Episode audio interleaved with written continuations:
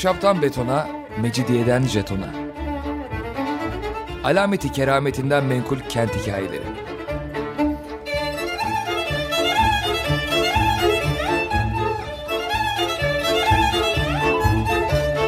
Hazırlayan ve sunan Pınar Erkan.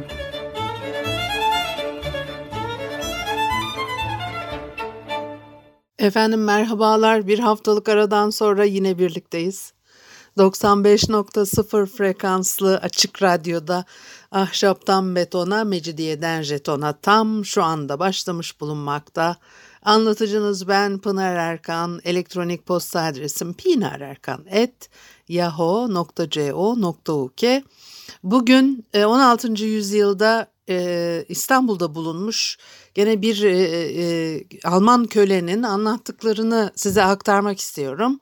Heberer çok enteresan bir adam. Belki başka bir program daha yaparız. Onun anlattıklarını e, bir kere de bitirmek çok mümkün değil.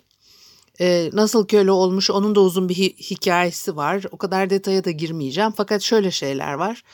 E, işte bir takım insanlar patronlarıyla e, birlikte çalışırken eğer dünyayı da geziyorlarsa savaş e, yapılan yerlere denk düşerlerse e, veya o dönemin işte haydutları e, denizde filan bunları tutarsa köle olabiliyorlar. Heberer'de buna benzer bir sürecin sonunda İskenderiye'ye gidiyor, Mısır'a gidiyor köle olarak ve adamcağız eğitimli de biri. Adamcağız kurtulmaya çalışıyor hep bu kölelikten birileri nüfuzlu birileri ona yardım etsin diye. Uzun süre işler yolunda gitmiyor. İstanbul'a geliyor. En sonunda daha önce de de İstanbul'da bulunmuş. Tanıdıklarına ulaşmaya çalışıyor ki ona yardımcı olsunlar diye. Fakat hayat memat meselesi öyle hani e, kolayca birilerine ricacı olabileceğiniz durumlar değil. Dolayısıyla ben biraz öyle onları bu, bu süreçlerin nasıl olduğunu hani filmlerdeki gibi yaşananlar biz bu topraklarda hani bu tür şeyler yaşandığının çok farkına varamayız. Genellikle yabancı filmlerde gördüğümüz şeyler ama bu topraklarda da bölüm bölüm yaşanmış olan şeyler. Mesela esir olarak bir gemideler ve geminin işte sahibi bunları köleleri kullanıyor yani 16. yüzyıldan söz ediyoruz. Kendisine verilmiş köleler ve onları çalıştırıyor gemide. Ondan sonra da demek ki bu köleler e, kısmen e, karaya çıkabiliyorlar, geri dönüyorlar filan. E, diyor ki mesela akşam üzeri zincirlerden azat edilmiş olan köleler geceyi geçirmek için kadırgaya döndüklerinde bir kişinin eksik olduğu fa- fark edildi. Ve araştırılınca da Uzun zaman önce esir alınmış bir Yunanlı'nın o gün kaçmayı başardığı ve büyük olasılıkla Galata bölgesinde e, yerleşik bulunan Rumların yanına sığındığı anlaşıldı. Bütün aramalara rağmen kaçağın izini bulamadılar. Adam böylece özgürlüğüne kavuşmuş oldu diyor. Çünkü e, bulundukları e, gemi e, yabancı gemi e, İstanbul'un limanına e, Halice demirlemişler ama nihayetinde e, uluslararası kanunlar mı geçerli diyelim işte kaçan kurtulmuş. Ve tabii e, kaçaktan sorumlu olan gardiyan ve yardımcısı patronun acımasız öfkesini, zulmünü bildikleri için çok büyük e, korku ve telaşa kapıldılar diyor. Ertesi gün kölenin kaçtığını öğrenen patron kadırgaya geldi. Gardiyanı zincire vurdurdu veya kaçan Yunanlı için e, kendisine e, para ödemesini ya da başka bir Hristiyan köle satın alıp onun yerine koymasını aksi halde ölene kadar bu zincirlere bağlı kalacağını söyleyerek tehditler savurdu diyor. Tam o sırada da Türk hükümdarının yolladığı bir haberci birkaç Yeniçeri askeriyle birlikte gemiye gelmiş. Yanında da İngiliz elçisinin kahyası varmış. O haberci e, hükümdarın kendisine verdiği yetkiye dayanarak gemide bulunan iki İngiliz esirinin zincirlerinin çözülmesini ve İngiliz elçisinin kahyasına e, teslim edilmesini patrona bildirmiş. E, diyor ki bizim patron Yunanlı'dan sonra iki köle daha kaybedeceğini duyunca küplere bindi. Delirmiş gibi üstündeki elbiseleri paralamaya başladı diyor ama e, padişahın habercisi hiç aldırmamış o iki İngiliz'in zincirlerini Yeniçerilere e, çözdürmüş ve İngiliz kahyaya e, teslim ettirmiş. Yeniçeriler de tabii ki onun e, sözlerini yerine getiriyorlar. Patronun buna canı çok sıkılıyor. İki genç, canlı, güçlü İngiliz'i elden çıkarmaktansa benim gibi çelimsiz, güçsüz bir düzine köleyi feda etmeye çoktan e, razı olurdu diyor Heberer. Çünkü İngilizlerden biri deneyimli bir denizciymiş, ötekisi de bir savaşçıymış ve borazancıymış. E, o iki İngiliz tabii özgürlüklerine kavuşuyorlar. Ee, ve biz de Hristiyanlar olarak onlara mutluluk, sağlık ve selamet diledik diyor. Ondan sonra Kadırga'ya küçük bir sandalla kraliyet elçiliğinden bazı adamlar gelip Almanlarla konuşmak istediklerini söylemişler. Bunların içinde Heberer de var. Fakat tabii o Yunanlı esirin kaçması yetmiyormuş gibi üstüne iki İngiliz köleden de e, yoksun kalınca patron e, o Almanları e, gemide köle olan Almanların yanına yaklaştırmamış. Hiçbir şekilde birbirleriyle görüşememişler. Üstelik de bunlardan biri muhtemelen Heberer'i e, aramak için oraya gelmiş. Çünkü kendisi e, daha önce mektup yazıyor filan bulduğu fırsatlarda e, tabii mektupları gönderiyor Heberer de sonucunun ne olacağını kestiremiyor. Bir geri dönüş olur mu onu bilemiyor fakat olmuş işte. Gelmişler gemiyi arayacaklar diye çünkü ondan sonra İstanbul'un başka yerlerinde de onları e, aramış e, bu e, kayıkla gelenler ama e, bir sonuç elde edememişler. Şimdi hatta para gönderiyorlar. Şimdi tam o sırada başka bir şey oluyor. Diyor ki patronumuz Konstantinopolis'te daha fazla kalmaktan sıkıldı. Tekrar Mısır'a dönmeye karar verdi. Daha o akşam demir aldık. Kolayca denize açılabilmemiz için Kadırga'yı e, İstanbul limanının girişinde Pera'nın öte yanındaki Tophane denilen yerin önünde demirledi ee, ve geceyi Türklerin sıkı göz hapsi altında denize geçirdik. Patronumuz da işlerini halletmek üzere akşama doğru tekrar evine dönmüştü diyor. Demek ki İstanbul'da evi var adamın. Sabah olunca da Hristiyan kölelerden 60'ının zincirlerinin çözülmesine, başlarına eskisinden daha sıkı muhafızlar konarak çalışmak üzere e, yine patronun inşaatına götürülmesine karar verilmiş ama o iki Alman hariç adam anlamış demek ki onları biri alıp götürecek. Dolayısıyla diyor ki arkadaşım ve ben bunu duyunca büyük bir korkuya e, kapıldık. E, aralarında benim yanımda kürek çeken Thomas adındaki Fransızın da bulunduğu 60 kölenin zincirleri çözüldü. Taş taşımak üzere iş yerine götürüldü. Şöyle oluyor. Fransız Thomas gitti ya e, inşaatta çalışmaya. Bu sefer e, Eberer'in mektup yazdığı iki kişi inşaata gelip belki orada hani buluruz diye e, e, bakmışlar. Fransız Thomas'la konuşmuşlar. Thomas da siz dün geldiniz o dikkat çekti. Onun için de patron e, sizi yanaştırmadı ama Heberer e, gemide diye söylemiş. Tabii çok üzülmüşler falan işte böyle ağır işlerde çalıştırılıyorlar. Uygun değil bedensel, fiziksel olarak filan diye Heberer için özellikle de ve duygularının kanıtı olarak da iki düka göndererek e, sabırlı olsun, dua etsin e, demişler. Fransız Thomas işte teşekkür ediyor. Ondan sonra alıyor parayı gemiye döner dönmez anlatıp parayı teslim etmek istiyor. Fakat Heberer parayı almamış. Thomas o sırada zincire vurulmamış serbest hareket edebiliyor. Onun için de Pomeranyalı işte bir köle daha var orada. Onun yanına gidip her şeyi ona da e, anlatmasını ve parayı ona vermesini rica ettim diyor. Francis Thomas da Heberer'in dediğini yapmış. Sonra o akşam köleler gemiye dönerken onlarla birlikte 6 veya 8 yabancı köle daha getirmişler. Geceyi kadırgada geçirip ertesi gün yine işe gidecekler. Fakat o yeni köleler de duvarcı ustasıymış. Diyor ki bizim patronumuz onları başka bir Türk beyinden kendi işini gördürmek için istemişti. O yabancıların arasında bulunan ayağı topal bir Alman hemen benim Pomeranyalı arkadaşımla ahbab oldu ve Pomeranyalı da onu dürüst bir Alman sanarak güven duydu. Sabah olunca gene 60 Hristiyan köle yeni gelen kölelerle birlikte çalışmaya e, götürülmüşler. O arkadaşım dediği de O esaretten bezmiş gece gündüz nasıl kaçarım diye plan yapıyor. Sonunda ertesi günün e, gecesi kaçmayı denemeye karar vermiş. Ondan sonra da bir kısa mektup yazıp çünkü birbirleriyle hemen rahatça konuşamıyorlar ve geminin farklı yerlerindeler ya. Kısa bir mektup yazıp eski gömleğinin içine e, koymuş.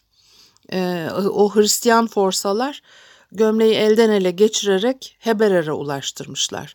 Mektup elime geçer geçmez okudum. E, benden yanımda taşıdığım demir eyesini kimseye belli etmeden o eski gömleğe sarıp kendisine göndermemi istiyordu diyor ve Tanrı'nın yardımıyla kaçıp özgürlüğe kavuşmayı deneyeceğini bildiriyordu diyor.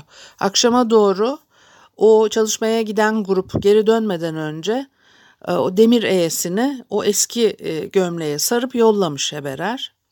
E, bir de mektup katmış yanına işte e, inşallah başarılı olursun falan filan diye. E, gecenin e, karanlığı çökerken işe gitmiş olan forsalar geri geldiklerinde yanlarında gene o sekiz yabancı e, köle vardı diyor. Her biri yeniden zincirlere vurulmuş ve gardiyanlar her zaman olduğu gibi hem zincirleri hem de ayaklarındaki kelepçeleri kontrol etmişler. Bir müzik arası verilip ondan sonra devam edelim mi? Ne olmuş adam kaçabilmiş mi yoksa kaçamamış mı? Efendim Açık Radyo'da Ahşaptan Betona, Mecidiyeden Jeton'a devam ediyor.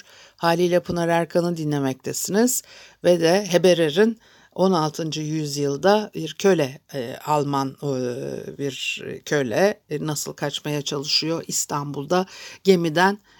Gerçi en son geldiğimiz noktada kendisi e, kaçamıyordu da arkadaşı e, gece artık dayanamıyorum filan deyip gemiden kaçma girişiminde e, bulunacaktı. Onun için de Heberer'den E'sini istemişti. O E ile e, kelepçelerini e, açacak e, zannımca. Şimdi e, şöyle oluyor. Hani dedim ya e, o 8 yabancı köle çalışmaya gitmişlerdi gece geri geldiler gardiyanlar onları tekrar zincirlere vurdu. Ee, ve Heberer geçmiş zamanlarda tanık olduğu kaçış yöntemlerini hatırlayıp o E'nin e, yardımıyla kimseye fark ettirmeden e, nasıl kurtarabilecek kendini e, Pomeranyalı'nın e, onu düşünüyorlar. Mısır'da Almanlar iki e, taler vermişler bunlara. Gene daha önce birileri yardım ediyor. Henüz sarf etmemişti diyor. Bize gönderilen iki dükayı da kaçtıktan sonra kullanmak üzere başlığının içine dikmiş. O iki talerle şarap alıyor e, alıyorlar. Yani nasıl işte demek ki birbirlerinden mi alıyorlar ne yapıyorlarsa arkadaşlarına ikram etmiş. Gardiyana o oturduğu sıranın başında nöbet tutan iki Türk askerine de bol bol şaraptan içirmişler. Ondan sonra da hepsi sarhoş olup derin bir uykuya dalmışlar. Artık hem arkadaşlarının hem de en yakındaki nöbetçilerin kendisini göremeyecek durumda olduklarına kanaat getirince e, arkadaşı demir eğesiyle zincirini kesip kendini kurtarmış ve denize atlamış. Deniz e, kadırgadan uzaklaşıyor fakat dolunayın aydınlığı var. Bir bakıyor karada nöbetçiler devriye geziyor. Sahile çıksa bile kaçamayacağını anlamış. Dolayısıyla da denize atlamıştı ya sırılsıklam ıslanmış olarak gene sessizce kadırgaya geri dönmüş. Ondan sonra demiri zinciri tekrar ayağına bağlamış. Gardiyan bir şey fark etmesin diye de üzerini katranla sıvamış. Neyin üzerine? Kendi üzerine mi? Demiri, zinciri ayağına geçirmişti ya onu herhalde e, katranla sıvadı diye düşünüyorum. E, ve de ertesi gün sabaha karşı gene çalışmaya götürülecek birçok e, Hristiyan forsanın zincirleri çözülürken o Alman'ın yanına çağırmış. Ona güvenerek kaçma girişiminin e, nasıl başarısızlığa uğradığını anlatmış. Ondan sonra da ıslak başlının işte e, şüphe çekmemesi için Heberer'e e, iletsin diye vermiş onu. Fakat o e, topal Alman e, diyor Heberer kendisi söylüyor bunu. Kurnaz bir hırsızmış meğersem. Başlığı içindeki iki dükayı söküp çıkardıktan sonra boş olarak teslim etmiş Heberer'e. Diyor ki dolandırıcılığını bir süre sonra fark ettim. E, bunu bir kağıt parçasına yazıp arkadaşıma bildirdim. Arkadaşım paranın elden gittiğine, hırsızlık olayına çok üzüldü. Ama bunun hesabını soramadı. Bir şikayette de bulunamadı diyor. Çünkü kaçma niyetinden e, o Alman'a da bahsetmiş. Adam kendisini ele verirse işte canından olacak. En azından burnu ve kulakları kesilebilirdi diyor. Çünkü kaçma te- teşebbüsünde bulunup da ele geçirilen e, veya böyle niyetlerinin olduğu ihbar edilen kölelere patronun uyguladığı ceza buymuş. E, kaçmaya kalkışmamızı önlemek için böyle cezalandırılmış olan burnu, kulakları kesilmiş 16 Hristiyan köleyi her gün gözümüzün önünde bulunduruyorlardı diyor. E, dolayısıyla da hırsızlık olayından hiç söz, et, söz etmemişler. Paralarının işte e, çalınmasını sineye çekmek durumunda kalmışlar. Ondan sonra da e, gelen günlerde gelişen bazı olaylar patronumuzun tekrar Mısır'a, İskenderiye'deki görevinin başına dönmesini gerektirdi diyor ve e, hazırlık için e, işte başlamışlar. Kadırgaya savaş malzemesi, gemi için gerekli halat işte öteberi e, yüklenmeye başlamış. Diyor ki o sıralarda Türk hükümdarının başkumandanı e, Sadrazam e, Özdemiroğlu Osman e, Paşa 1585 yılında İranlar tarafından yenilmiş. 90 bin kadar Türk askeri öldürülmüş. Onun üzerine yeniden asker toplanıp İstanbul'dan Anadolu'ya her gün tabur tabur sevk ediliyormuş. Onların yanına yolluk, ekmek ve erzak verildiği gibi arkadan da düzenli olarak e, asker gönderiliyormuş hem de bu erzaklar da gönderiliyormuş. Onun için İstanbul'da büyük bir kıtlık ve pahalılık baş göstermiş. E, fırınların önünde toplanan 200 kişiye ancak 20 ekmek verebiliyorlarmış. Üstelik ekmek öyle sıcak dağıtılıyormuş ki işte yiyenin midesine oturuyormuş. Ee, diyor ki patronun yolculuğu ertelenebilecek gibi değil. Ekmek bulsak da bulmasak da yola çıkmak zorundaydık. İşte ekmek beklemişler yani ee, herhalde bunları toplu halde alacaklar. Gemi yolculuğu sırasında uzun süre idare etsin diye. Fakat e, gerçi gardiyanlar askerlerin yardımıyla birkaç çuval dolusu ekmek e, temin edebilmişlerdi ama onları aramızda bölüştürünce yeterli olmadığı anlaşıldı diyor. Üstelik taze ve sıcak ekmeği daha e, ellerine verilir verilmez hemen yiyip bitirmişler. Yol hazırlığımız tamamlandığında Mısır'a gitmek isteyen birçok Türk de e, gemiye bindi diyor. Bir ada yerine getirmek üzere e, Mekke'ye hac yolculuğu yapmak niyetiyle binmişler. E, yolun bir kısmını gemiyle gitmek büyük bir kolaylık onlar için o sırada ve de e, patron bütün mahiyetiyle birlikte gemiye biniyor. Kadırganın reisine bir an önce yola çıkmasını emrediyor. Bir demir alıyorlar. Kadırga İstanbul'dan ayrılarak Marmara Adası yönünde bir açılmaya başlıyor. Diyor ki içim acıyla doluydu çünkü bu seyahatim sırasında her gün gözlerimin önünde olduğu halde ne şehre ne Pera'ya adım atabildim. Ayrıca e, işte o tanıştığı e, iki kişiyle de konuşmak imkanı bulamamış hani yardım isteyecek diye. Onun için çok canı sıkılıyor. Ondan sonra da Marmara Adası Trakya tarafındaki Gelibolu'nun çok yakınlarından geçerek işte Ege'ye doğru açılıyorlar. Dardanel kalelerine kadar geldik diyor. Giriş çıkış yapan bütün gemiler burada demir atmak zorundaymışlar. Gümrük işlemleri dışında gemi yolcularının ve yükün denetlenmesi de yapılıyormuş. Patron tanınmış bir kişi olduğu için de orada çok fazla oyalanmamışlar. Şimdi şöyle bir şey oluyor. Gidiyor geliyor ara gel vakit git vakit gel vakit e, gene İstanbul'a geri dönüyor. Heberer ve e, bu sefer daha özgür e, karaya falan da çıkabiliyor ama özgürlüğünü belgelemesi lazım. Onun için de e, işte Fransızlardan yardım istiyor. Alman elçiliğine de gitmiş ama pek kendisine yardım eden olmamış orada herhalde. Ee, ve şöyle düşünüyor yani bu yeni patronu kısa zaman içinde e, kendisine yine bir görev verilecek Berberistan'daki Trablus'a gitmeyi tasarlıyordu. Daha önce özgürlüğüme kavuşmazsam bundan sonra ne yapsak boşuna olacaktı diyor. Tam bir çaresizliğe düşecektim ve de muhtemelen bir daha da e, e, kurtulmam mümkün olmayacaktı. Monsieur Cambo'ya gidiyor yardım etsin ona diye. O da Fransız elçiliğine git yardım iste demiş. e, Monsieur Tennis'e bir süre önce özgürlüğünün bedeli olarak bin kron gönderilmiş. E, halbuki Türk hükümdarı onu serbest bırakmak için 20 bin duka istiyormuş. Onun için de gönderilen para işe yaramamış. E, e, ve işte Kambo demiş ki ona e, Monsieur e, seni bu parayla azap ed, e, azat edilmeni belki sağlayabilir. Şimdi orada zaman geçiyor. E, Kambo bir şeyler söylüyor. Fransız elçiliğine gidiyor. Fransız büyükelçisi e, Heberer'i dinliyor. Ona yardımcı olacağını söylüyor. E, fakat orada tekrar bir şey bir şeyler oluyor. Uzun bir süreç bir daha Alman elçiliğine gidiyor. Onlar da yardım edeceklerini söylüyorlar. Fakat etmiyorlar filan. İstanbul'da başkalarından da e, yardım istiyor. Öyle oluyor böyle oluyor. En sonunda e, işte gemi e, yola çıkacak ve adam kaygı içinde kölelikten kurtulamayacak filan diye Neyse e, Ali Reis diye birisi yanında biri işte başka insanlarla birlikte gemiye geliyor ve Heberer'i e, almışlar gemiden. E, daha doğrusu e, patronun yanına e, gideceği e, söylenmiş. E, patron da e, yanında hatta ne kadı adı verilen yargıcın Galata'daki evine gittik diyor. Ben şimdi buralarda bir sürü detayları atlayıp özet geçtim size. Ali Reis e, benim azat edilmeme tanıklık etmeler için çağırdığı birkaç kişiyle birlikte bekliyordu diyor.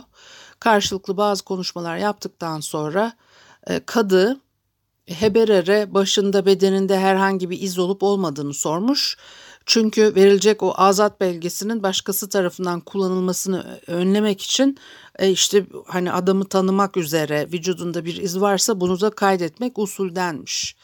Böyle bir nişanenin bulunmadığını söyleyince e, azat belgem kadının katibi tarafından hazırlandı, tanıklara imzalattırıldı diyor. Ali Reis 100 düka ödemiş. Belge ona teslim edilmiş. Ondan sonra onun karşılığında katibe de bir miktar para ödenmiş. O vakitlerde demek ki yani hep böyle birileri birilerine aracı oluyor. Ondan sonra da gene bazı mevkilerdeki insanlara belli ki e, paralar ödeniyor. Şanslıysanız üstelik de şanssızsanız sizin büyükelçiniz e, size hiçbir şekilde yardım etmeyebiliyor.